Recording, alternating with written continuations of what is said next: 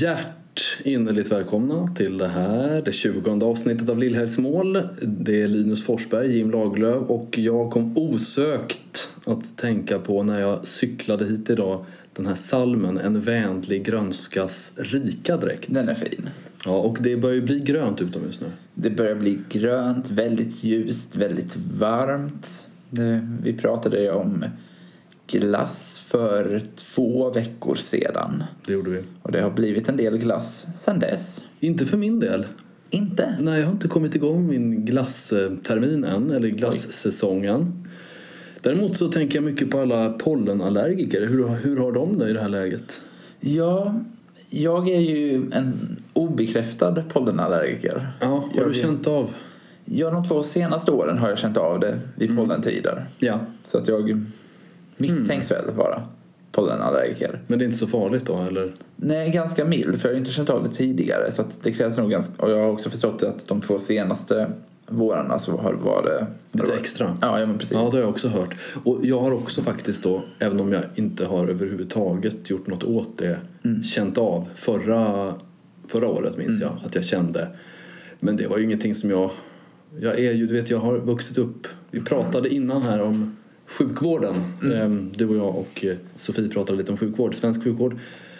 Eh, nej men jag har ju vuxit upp med att eh, det är inte så farligt. Det är, det är ingenting att oroa sig för om, man nu, om det händer någonting. Eller Nej. om man är lite sjuk. Det är liksom ingenting att tjafsa om. Jag har ju då gift in mig i en släkt där man äter mycket värktabletter och gärna åker till vårdcentralen och kollar upp saker och ting. Jag vet inte.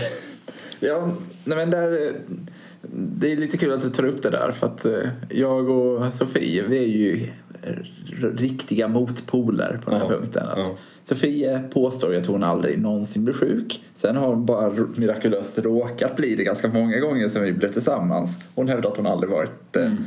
Typ på 10-15 år innan vi blev tillsammans. Nej. Jag vet väl inte om det Det vet vi inte. är helt Det är sant. obekräftade uppgifter. Ja. Medan jag är väl lite mer åt det hypokondriska hållet. Att Jag förstod ju det innan Ja, när vi pratade. jag eh, upplever mig sjuk ofta och jag drar ofta ganska snabba slutsatser av det.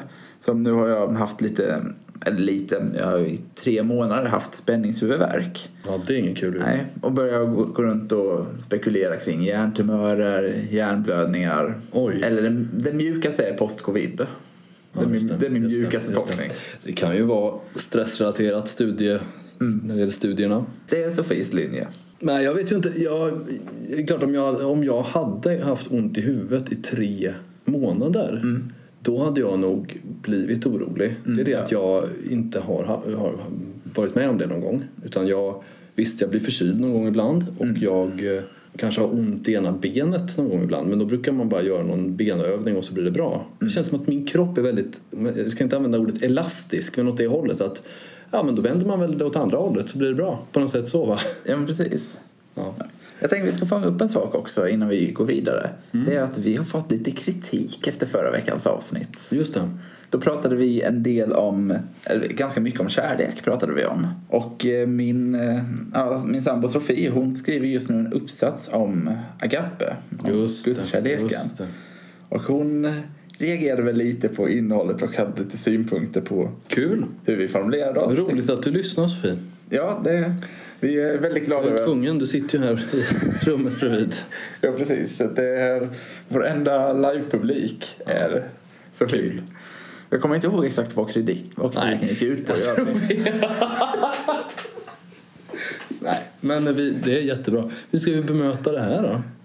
Ja, men vi, eh, Vi tar till oss. ja, vi tar till oss och vi uppskattar ju när ni som lyssnar har åsikter om det vi, det vi säger. Vi har också väldigt bra, normalt sett, bra minne tycker jag ändå. Ja. Så vi, brukar ha. vi brukar ju ofta återkomma till att vi påminner varandra om att vi har sagt saker förut och sådär. Men det här med den här, den här grejen då har vi, eller har Linus glömt bort då. Jo, precis. Så kan det gå. Men ändå tack så jättemycket för att någon har en synpunkt. Och en, det var någon också som, som tyckte att det var lite rörigt förra avsnittet tror jag. Okej. Men det kan jag inte känna igen mig alls. Vi som är så strukturerade. Ja, nej men vi... Visst. vi, vi nej, vi ska inte... Får vi skärpa till ja, oss precis. Nu, ja. Vi tar till oss av. Vi tar till oss och eh, vi ska bättra oss på alla punkter. Ja. Vi jobbar väl, vi har en sån här, vad heter det, kontinuerligt kvalitetsarbete så att vi liksom ständigt arbetar för att förbättra Ja, ja men vår precis. verksamhet. Och ett av verktygen man kan använda sig av. Det är ju bönen. Vi kan be om Just det. vägledning. Ni, ni som lyssnar får också gärna be för podden. Den ska fortsätta förbättras och utvecklas. Jo, precis. Och eh, vi pratar ganska ofta om bön, men en av anledningarna att jag lyfter bönen just nu är ju för att den kommande söndagen är det bönsöndagen I Svenska i kyrkan. Svenska kyrkan. Precis. Mm, spännande. Eh, Just under rubriken bönen.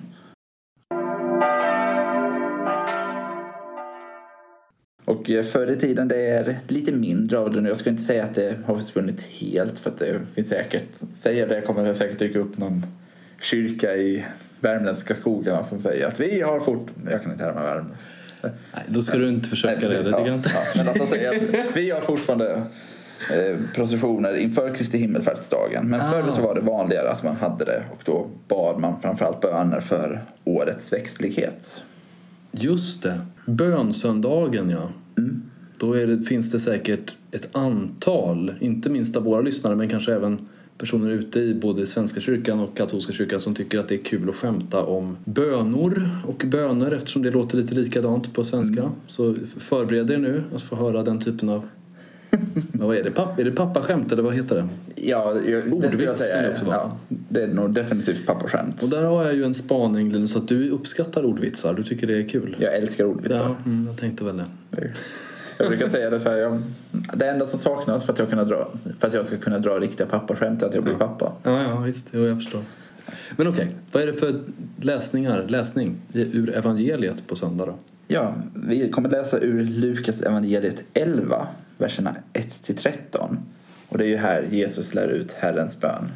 Mm. Vår Fader. En av mina favoritböner faktiskt. Finns på min 10 i topp Jo, precis. lista. Ja, precis. Och det här återfinns ju på två ställen i evangelierna. I Lukas så hittar vi den kortare versionen. Vet du var vi hittar den längre versionen? Jag gissar på Matteus då. Ja, precis. Matteus sjätte kapitel, verserna 9-13. Och det är ju utöver att eh, Jesus lär ut Herrens bön så förklarar Jesus också eh, hur ihärdighet i bönen kommer att bära frukt. Mm. Jag tänker att vi ska av förklarliga skäl stanna till lite vid, vid Herrens bön. Gärna. Jag tänker, vad betyder Herrens bön för oss idag? Många kan ju den här bönen utan till. Mm. Vad tror du spelar för roll att man kan en bön utan till? Jag tror att det spelar väldigt stor roll. Jag, jag tänker att nästan var man än är i livet, jag tänker att det kan spela roll på olika sätt. Att ha en bön man kan utan till. Det kan ju vara någonting att greppa tag i när man hamnar i stress eller Ja. oro. I, Någonting man tar till liksom. ja men precis. Att, Nära till hands. Ja men precis, någonting som jag kan greppa tag i. Som nu är, kanske jag inte är i sinnestillstånd att kunna sätta egna ord på det jag upplever. Men den här kan jag finna kraft i. Och jag har också hört många vittnesmål om att många äldre som kanske blir dementa eller annat som Ja. glömmer bort Ja. mycket. Ja. De kommer fortfarande ihåg eh, Ja, Fader vår. Fader vår, absolut, absolut. Just det, och Fader vår det är ju den eh, översättning som vi använder i katolska kyrkan. Och i svenska kyrkan är det ju, finns det ju två olika Ja, som används parallellt. Ja, eller på olika platser eller i olika, vid olika tillfällen kanske. Ja, den senaste kyrkohandboken den slår fast att huvud, huvudvalet ska vara vår fader, den nya översättningen. När det är framförallt huvudgudstjänst. Men sen så, många präster brukar ofta prata om att det handlar om att ha lite fingertoppskänsla. Att om man går och har en andakt på äldreboende där Eller på en begravning. Ja, men precis på en begravning. Och man inte vill att församlingen ska behöva fokusera på oj nu är det något nytt här. Utan Man, man vill underlätta. Då finns det inget som hindrar att man använder Fader vår. Att använda en annan översättning än den man är van vid det, det kan ju lyft, liksom öppna ögonen för nya dimensioner av en bön, tycker jag. Alltså en, en skriven bön då, för det är det vi pratar om nu. Och eh, min bild är ju att eh, den skrivna bönen den har liksom fått en revival i svensk kristenhet senare år. Alltså väldigt länge har ju många troende i Sverige tyckt att det, det här eh, där man inte skriver ner utan där man är öppen och liksom lyhörd för anden på ett annat plan det är det, det, liksom det som vi ska föredra egentligen. Sen är liksom det här att ha skrivna böner det är stelt och det blir slentrian. Visst kan det ligga någonting i det ibland. Men det känns som att den skrivna bönen har fått en comeback tycker jag. Därför att många människor har liksom upptäckt den liksom äldre kyrkans traditioner på senare år i Sverige. Det beror ju på att många, många liksom, det har kommit många katoliker och ortodoxa till vårt land exempelvis. Ja, nej, men precis. Och jag, jag skulle säga, jag tillhör ju de som kanske inte är, är, omfamnar den skrivna bönen mm. allt för mycket. Nej. Jag skulle säga, men det beror lite på sammanhang. Men just i gudstjänster kan jag ibland tycka att, att det men, ibland kan kännas lite inaktuellt. Att det blir väldigt generaliserande. Mm. Ibland kan det också handla om att det, en skriven bön riskerar att mer bli en högläsning än ett faktiskt bedjande. Man läser som en dikt liksom. Ja, ja precis. Det tror jag människor också kan hamna i, det tror jag. Mm. Ja, och sen som sagt att men det finns en risk om man också bara lutar sig tillbaka till att det finns en skriven bön, jag mm. behöver inte reflektera. Mm. Jag minns att jag var en gång på en gudstjänst där det var en förskriven bön. Det var precis på väg in mot sommaren och bönen innehöll någonting så här Tack Gud för solen och värmen du ger denna dag. Och just när det var en mm. ösregnare. Ja, ja, ja, ja, och då är det ju svårt. Mm. Och då kände jag så här, ja, men, byt ut de här orden åtminstone. Liksom, så här, ta, ta, in var du är. Visst. Så, det, så det har jag lite som en mardrömsbild av varför jag, jag skriver inte förbönen när jag skulle leda förbönen. Utan då, mm. då blir jag fritt. Mm. Sen finns det fördelar med det. Men, Men just eh, Fader vår då, eller äh, Herrens bön, som mm. vi kan kalla den för ekumeniska skäl här. Ehm, Jesus lär ut, tro, vad, om jag frågar dig så här, lär han ut vissa formuleringar eller lär han ut, här är några förbönsämnen som kan vara vettiga att uh, ha med sig?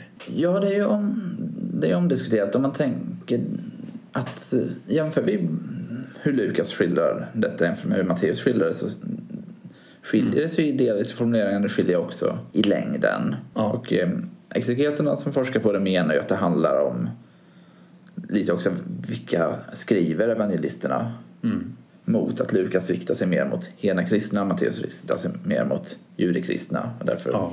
Matteus fånga upp lite av den fariseiska fromheten och gå i dialog med den i mm.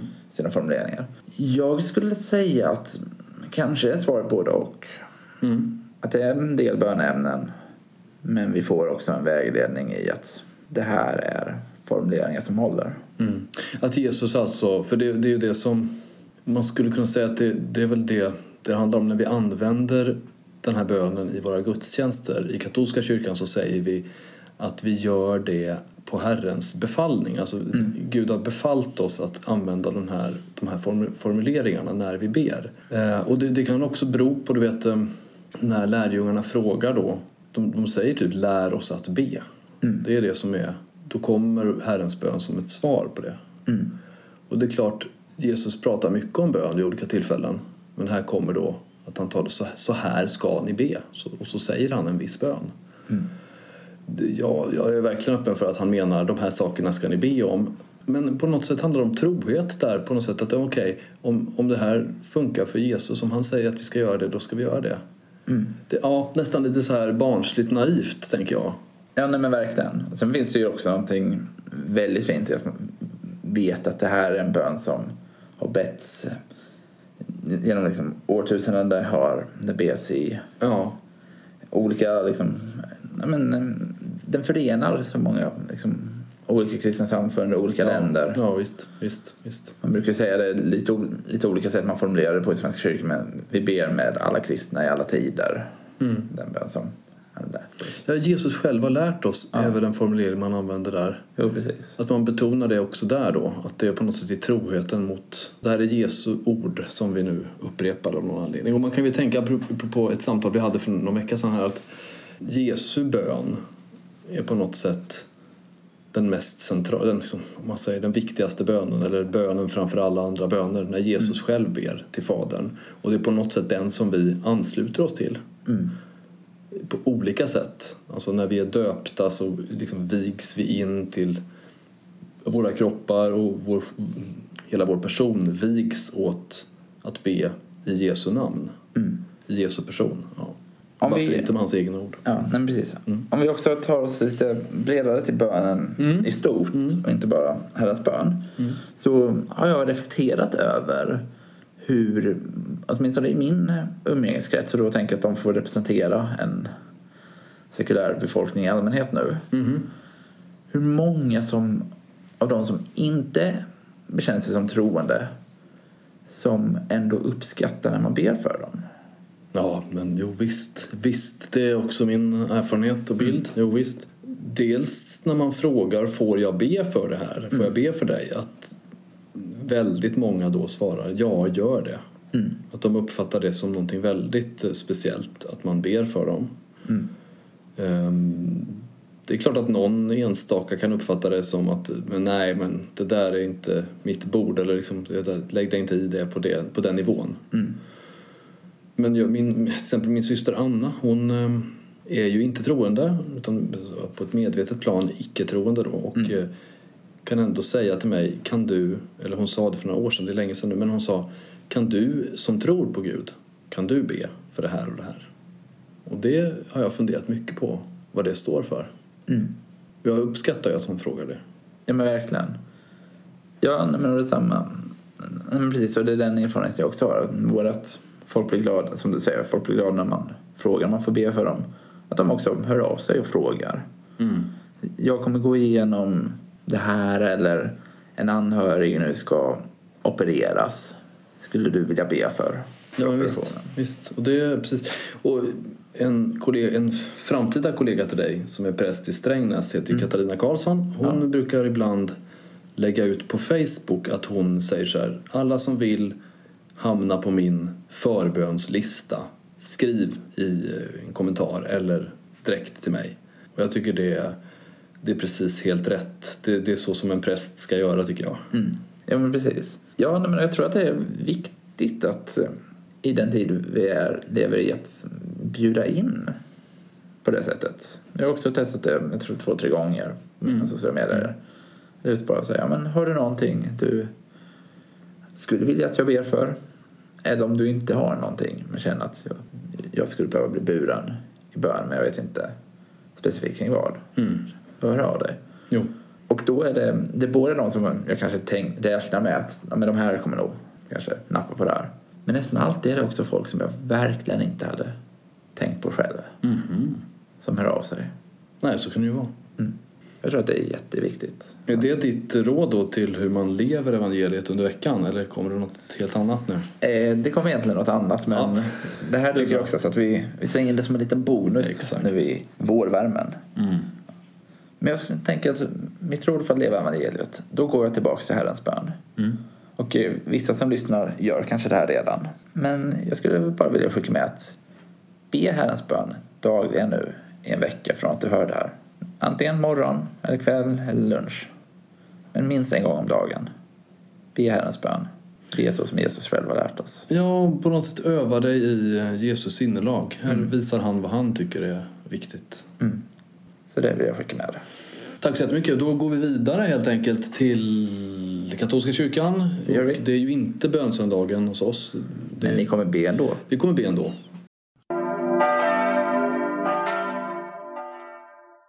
Vi läser från Johannes evangeliet kapitel 14. Det är det här långa, långa avskedstalet som Ja. Jesus håller ehm, på den sista kvällen där med sina lärjungar. Och så pratar han om att han ska sända en ande, den helige ande, som ska komma och eh, berätta allt.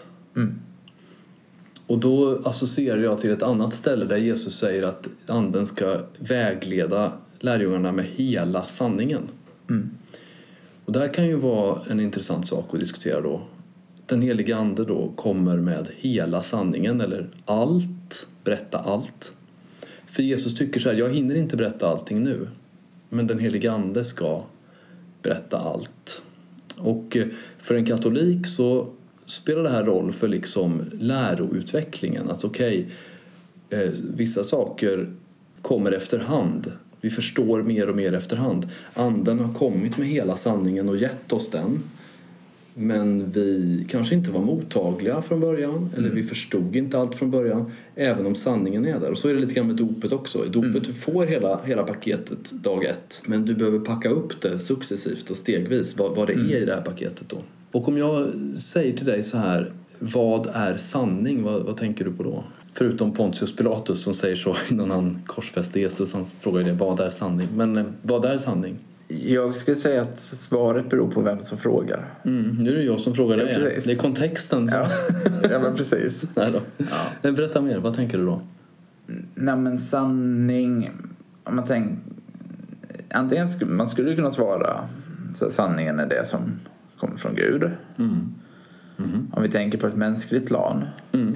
så blir väl sanningen det som de flesta kallar sanning där och då. Mhm. Alltså en överenskommelse, som man, det man kallar sanningen. Jag skulle säga att det är en definition som i alla fall är aktuell i vår Ja, tid. verkligen. Alltså, jag tror att många tycker att det här ordet sanning är svårt. Jag var, gjorde praktik en gång för länge sedan i Kristinehamns församling där jag sen också jobbade som präst eh, i Svenska kyrkan. Då. Och eh, av någon anledning så pratade vi om sanning vid eh, något fikabord. Och en kantor där, eller en organist kan man väl säga för att det ska vara rätt, eh, i princip skrek, höjde rösten och sa det finns ingen sanning. Och jag tyckte det var intressant eh, att man, om det nu inte gör det, vad var, det för, vad var det, den informationen som du gav nu, vad var det för någonting då? Om det inte finns någon sanning. Det är en annan sak att säga vi kan inte vi kan inte fullt ut förstå sanningen eller sanningen är fördold eller vi är för små för att greppa eller någonting annat. Va? Men att säga att det inte finns sanning, det, det uppfattar jag som otroligt problematiskt. Ja, men precis. Ja, men det kan väl också vara att, eh, men ett sätt att tackla ordet sanning. För att, eh, Nu kommer vi in i det mer filosofiska läget om podden. Jag satt och tänkte på just det att om du ber mig säga sanningen om, om någonting, säg Ja. sanningen, bla bla, och jag säger det som, som jag verkligen tror är sanningen. Sen upptäcker vi två i efterhand att det jag trodde var sant var en lögn som jag hade fått till mig Ja. men omfamnat som sanning. Har jag då sagt sanningen? Det har du inte gjort då skulle jag säga, men du trodde att du gjorde det. Ja, men precis, Så du har heller inte så- ljugit? Nej, precis. Om man med ljugit menar att säga något som man uppfattar som osant. Eh, För att, att ljuga, man kan ju säga något som inte stämmer även om man inte ljuger. Det är möjligt tror jag. Men det tror jag absolut. Ja, Du, har inte sagt sanningen då. Det, tror, det tror jag inte. Om, till exempel om du sa på medeltiden eh, så att säga, jorden är universums medelpunkt. Om du sa det, ja visst, det hade du väl goda skäl för att alla vetenskapsmän sa det och alla filosofer. Men eh, det var inte sant ändå, så att säga. Precis. Det tror jag man måste. Ibland så... Christer Sturmark, som du vet vem det är, han är ju en känd ateist eller humanist. Han var på radio och pratade om att sanning finns. Och det, det är ett farligt samhälle där man menar att eh, allting är relativt. Och då frågade programledaren honom, ja, men sa inte nazisterna också så? Sa inte nazisterna att det finns absoluta sanningar som alla måste acceptera? Och jag tyckte det var så märkligt resonemang. För att ja visst, men bara för att, okej, nazisterna sa det, men det betyder inte att de hade rätt. Alltså, även om de hade rätt när de sa att det finns absoluta sanningar hade de fel i vilka de sanningarna var. Och den där kritiken, den har liksom, jag tror att den har präglat hela efterkrigstiden. Vi vill inte uttrycka, vi är rädda för människor som uttrycker ja, det finns sanning. För då tänker vi, då, då kan det balla ur fullständigt. Jag börjar fundera, jag håller med dig om det här. Jag börjar fundera på om problemet är att vi tänker så svartvitt att det som inte är sanning är lögn. Och att vi saknar ett mellanskikt. Som, som det exempel vi lyfte. Att så här, jag framför något som verkligen var en genuin sanning från mitt håll. Jag hade inga avsikter om att ljuga. Nej. Jag har inte gått med känslan. Jag ljuger, jag skulle kunna ha rent samvete inför Gud utifrån det jag sa. Men det var fel Ja. att ha en, ett etablerat begrepp för det här mellanläget. Att det var sant i min värld, det var inkorrekt i någon form av objektivitet. Ja. Men att jag då inte måste ställas mellan valet talade jag sanning eller lögn. Utan att vi hittar något i mitten. Det är kanske där det finns ett problem. Men jag tror att du behöver ju hantera, om du, har, om du märker att du har haft fel, Ja. då kommer du behöva hantera, det beror på vad det är. Om du sa fel, jaha, klockan var fem över och inte fem i. Oj då, det kanske det spelar ingen roll. Men låt säga att du har gått omkring och trott någonting som du får veta inte stämmer. Ja. Till exempel, du tror att eh, huvudstaden i Tyskland är Hamburg. Du går omkring och tror det. Och du alltså på allvar tror det. Och så får du information om att det är Berlin. Då kommer du behöva hantera Du kan Jo, inte säga så här, precis. nej, nej, men jag fortsätter nu och genuint tro att det är Hamburg. Mm. Nej, nej, nej, nej, nej, men precis. Utan du kommer ju behöva säga då, ja, jag har ändrat mig nu, Jo, precis. tror jag. Ja, men och det håller jag med om. Min poäng är att jag tänker att man samtidigt inte ska behöva gå runt och tänka jag har varit en lögnare. Nej. Nej, men Och det, och det är nog det jag vill åt lite. Att, Det är faktiskt intressant. Det beror nog på. För det, det tror jag, det tror jag inte, det är helt rätt. Man vill inte gå omkring och känna sig som en lögnare kring om man haft fel. Men, men däremot om man, låt säga att du är en före detta nazist som har blivit eh, kristen sen och märkt att oj, wow, vad jag hade fel. Och du kanske till och med genuint känner jag har lurat så många. ja, Jag, jag drog med mig massor av människor i det här dåliga som jag tänkte, det som jag så att säga var fel. Eh, och, ja, precis, men det är klart, vad skulle det kunna vara för begrepp? Det är en väldigt intressant fråga tycker jag. Det, är, ju- det här skulle man kunna forska om, eh, så att säga. Vilket begrepp skulle man kunna använda då? Men, men oavsett det, jag tror att poängen, du, du sa det i en bisats förut, det här som man kan kalla för det objektiva. Alltså det finns någonting utanför oss som vi kan kalla för verkligheten. Och sanningen skulle ju kunna vara då när det vi tror eller det vi säger stämmer överens mer eller mindre med den här verkligheten. Men det, det, det är ett filosofiskt sätt att se på det. Men jag tror att när, när Jesus pratar om hela sanningen eller att han själv är sanningen då menar han nog inte bara att han är en idé som överensstämmer med verkligheten utan då tror jag faktiskt att, ja, att han menar jag är verklighetens liksom, bas eller utgångspunkt. Allting som verkligheten beror av. Alltså det som du började med att säga, sanningen kommer från Gud och till och med sanningen är Gud. Va? Och då är sanningen mycket mer intressant på ett sätt än om huruvida så att jag frågar dig vilken huvudstad har Tyskland eller, eller vad drömde du i natt eller någon annan fråga där det finns så att säga, man kan kolla upp svaret. Som när man spelar Trivial Pursuit eller liksom frågesport eller Jeopardy eller någonting. ja precis. Ja. Ja, nej, men och då tänker jag så här, det som den helige ande kommer med då, som kommer med hela sanningen, vilket ju många människor tycker nej, det, det, det kan han inte göra. Utan han kommer nog med en del, delvis. Sen finns det ju sanningar på andra ställen. Ja, fast nu handlar det om en annan typ av sanning. Det handlar om att Gud förmedlar sitt innersta. Sin innersta verklighet som allt annat beror på. Det är det han kommer med. Och då handlar det inte så mycket om att säga så här, kan vi mäta eller väga om det är rätt eller fel, utan här är verkligheten och den kommer till oss. Och vi behöver då öppna oss för det. Och det handlar ju både på ett sätt bönsöndagen i Svenska kyrkan när man då kan gå de här processionerna inför Kristi himmelfärd, inför pingsten också. Men även då, snart är det pingst och Ja. i, i, em, det kommer vi prata om längre fram såklart när det närmar sig, men att, att be särskilt om öppenhet för mer av den heliga Ande i, i mitt liv. Mer av sanningen i mitt liv. Eh, och, och det jag skulle vilja säga som en sak den här veckan det har att göra med att jag tycker människor ska öva sig på att stå upp för det som man tror är sant. Om du tror att någonting är sant, var inte rädd för att säga det. Visst, du kanske hade fel, du kanske har fel. Det kan ju vara som Linus säger att imorgon får du veta att du har fel. Men det kan du bara få veta om du vågar säga det. Så prova att säga det du tycker är sant. Särskilt när du, när du vet att människor inte håller med dig. Att du vågar det. Det är lite osvenskt, men det kan vara väldigt nyttigt. Och då kan det också komma någonting av det. Tänk om du har fel. Då kan du ju märka det just i samtalet med andra. Klokt tips. Med de eh, orden då, de välvalda orden från Linus Forsberg och mig Jim Lagerlöf så tackar vi och bockar, bugar, går ner på knä eh, inför er som lyssnar och hoppas att vi hörs igen. Hej då!